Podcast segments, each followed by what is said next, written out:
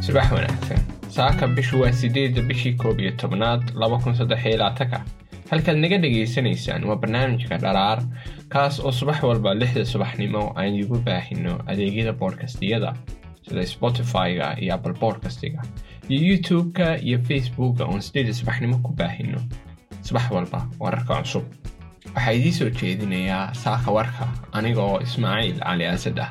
soo dhowaada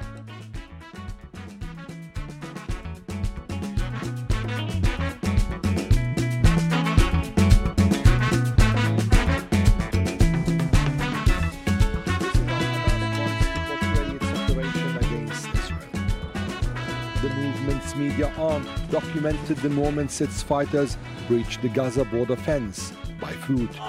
laga soo bilaabo toddobadii bishii oktoobar ilaa maanta oo muddo bil ahi ka soo wareegtay. Adduunka warbaahintiisoo dhan waxay saaraysay khaza welibana dagaal ay ugu magac dareen xamaas iyo israa'iil inuu ka dhexeeyo muddada khaza waxay ku dishay israa'iil in ka badan toban kun oo qof oo falastiiniyiin ah. Tobankaa kun oo qof afar kun oo qof in ka badan waa carruur. Ama aynu dhahna carruur ayaa ku shahiida afar kun oo qof ah. Laba kun shan boqol iyo kontonna waa haween. Ilaa afar iyo labaatan kun iyo siddeed boqol oo kale oo ay ku jiraan toban kun oo carruur ah ayaa dhaawacmay ama dhaawac ah muddadu dagaalkaasu socdo oo hal bil ah hal milyan iyo shan boqol oo kun oo qof oo ah boqolkiiba lixdan tirada dad ee ku nool khaza ayaa guryahoodii ka qaxay iyagoo gabaad ka dhiganaya isbitaalada dugsiyada iyo xeryaha qaxootiga. Haddana aanay jirin khaza gudaheeda meel ammaan ah muddada bisha ah. Dhinaca kale falastiin meelaha kale marka laga tago khaza israa'iil iyo dadyooga israa'iiliyiinta ah ee lagu deegaameeyey dholalka falastiin waxay isku mar xoojiyeen weerarada lagu hayo dadyooga falastiiniyiinta ah meel walbo ay ka joogaan dholalka la haysto ee falastiin iyo khazaba muddo konton iyo lix sanno ahayd oo israa'iil militari ahaan ay haysatay daanta galbeed iyo bariga magaalada qudusba wax caadi ah ayay ahayd ama wax si joogto ah u dhaca bay ahayd. Mar wal oo falastiiniyiinta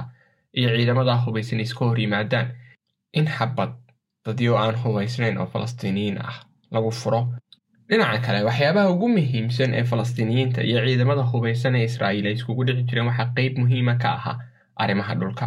qaramada midoobay waxay sheegtay laba kun lixdii ilaa laba kun labaiyo labaatankii in sanadka laba kun labaiyo labaatankii uu ahaa sannadkii ugu dhimashada badnaa ee dadyow ay ku laysay israa'iil falastiiniyiin ah. Boqol iyo toddobaatan falastiiniyiin ah ayay dishay laba kun labaiyo labaatankii israa'iil. Soddon ka mid ahi carruur bay ahaayeen. Halka sagaal kun oo qof ay dhaawac ahaayeen labadii kun iyo labaiyo labaatankii tirada falastiiniyiinta ee la dilay kun aynu iminka ku jirno oo laga soo bilaabayo toddobadii bisha ilaa iminka durbaba tirada dhimashada ee boqol iyo toddobaatanka ha laba kun labaiyo labaatankii uu dhaafay. Weerarada iyo barakicinta khasabka ah ayaa kor u soo kacay daanta galbeed iyo bariga magaalada qudus ama aynu dhahna dhulalka la haysto ee falastiin. Weeraradaas oo ka imanaya dadyowga israa'iiliyiinta ee lagu deegaaminayo ama lagu deegaameeyey dhulalka daanta galbeed iyo bariga magaalada qudus ayaa kor u soo kacay. Toddoba boqol oo kun oo qof oo israa'iiliyiin ah ayaa dhulalka daanta galbeed ku nool. Waxay bilaabeen inay si toos ah dadka u weeraraan dadyooga israa'iiliyiinta ah ee toddobada boqol ee kun ee qof ah badankoodu way hubaysan yihiin. Laga soo bilaabo toddobadii oktoobar ilaa iminka waxay dileen siddeed qof oo falastiiniyiin ah bishii la soo dhaafay waxay maalin walba ku duulayeen ama duulaan ku qaadayeen tuulooyinka falastiiniyiinta iyagoo weeraraya dadka deegaanka hantidooda dhaawacna u geysanaya lixdan iyo afar qof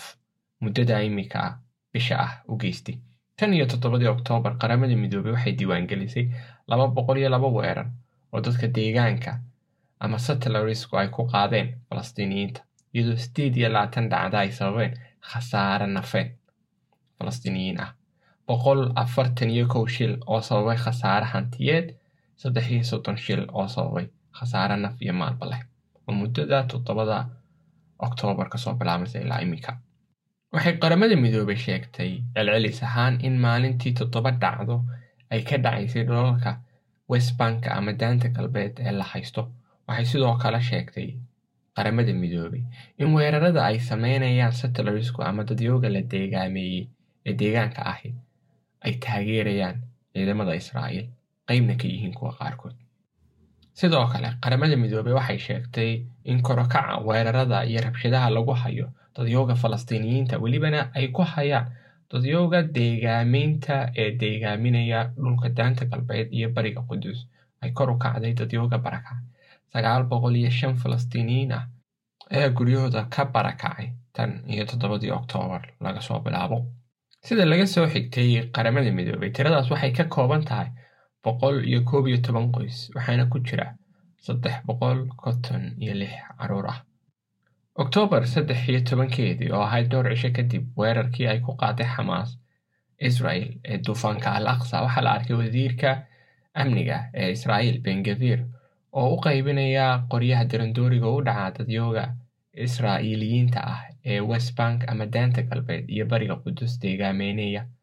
sidoo kale waxay siinayeen qoryaha magaalooyinka isku dhafan ee israa'iiliyiinta iyo falastiiniyiintu ku nool yihiin dadyooga degan ee dhulalka israa'iil sharciga qaramada midoobay marka la eegaya ay iyagu leeyihiin. Magaalooyinkana waxaa ka mid ah magaalada lidda iyo ramla. Macnuhuna waxa weeyaan un meel wal oo falastiiniyiin iyo israa'iiliyiin ay isla degayaan inay israa'iiliyiintu hubaysan yihiin shacab iyo dowladba dilkii ugu dambeeyey ee dadka deegaanka israa'iiliyiinta ama deegaaminaya dhulalka falastiiniyiintu ay geystaan? Wuxuu ahaa sagaaliyo oktoobar kaasoo ay dileen nin la dhaho bilaal saalax oo afartan jir ah isagoo saytuun goosanaya koonfurta magaalada nablus ee dhulka daanta galbeed la haysto. Dhinaca kale xadhigga ayaa kor u kacay toddobadii bishii oktoobar ilaa imika iyadoo israa'iil ay xidhay saddex kun laba boqol oo qof oo shaqaale falastiiniyiin ah oo khaza ka soo jeeda tiradaa la xidhay toddobadii bisha ilaa imika laba ka mid ah ayaa ku geeriyooday jeelasha israa'iil madaxa ururka maxaabiista falastiin ayaa u sheegaya aljaziira maxaabiista hadda in garaacii iyo jirdilkii ugu xumaa uu ugu socdo gudaha xabsiyada israa'iil waxay kaloo raacisay guddoomiyuhu in lix ama toddoba ilaaliyaasha ama waardiyaasha ka mid ah hal maxbuus ay ku jir dilaan gudaha jeelasha iyagoo isticmaalaya katiinado kabo ulo iyo wax wallo ay la dhici karaan. Taasoo ay ka rabaan qofka in maskaxiyanna waxyeelaan isaga iyo faamilkiisaba toddobaadada iminka u dambeeyey muuqaalo dhowr ah ayaa soo baxaya iyaga oo askarta israa'iil ay qaraacayaan dadyooga ay xidheen kuna samaynayaan tacadiyo iyo baxdilaad iyagoo qofka dharka ka siibaya indhahana ka xidhaya kadibna la dhacaya qoryo ulo biyo wax wallo ay qofka jir ahaan ugu dili karaan.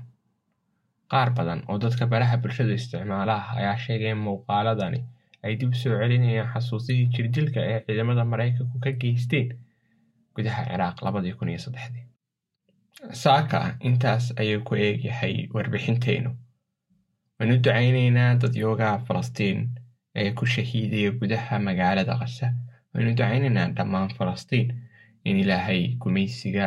iyo gumaynta ka dulqaado idinkana maalin aad u fiican oo qurux badan ayaan idiin rajaynaynaa hadday jiraan qodobo ama warar aad u aragto inay muhiim yihiin oo dhaqaalaha siyaasadda iyo qaybaha kala duwan ee tamartu ka qayb xataa soo gelaya waad nala wadaagi kartaa mar kale maalin wanaagsan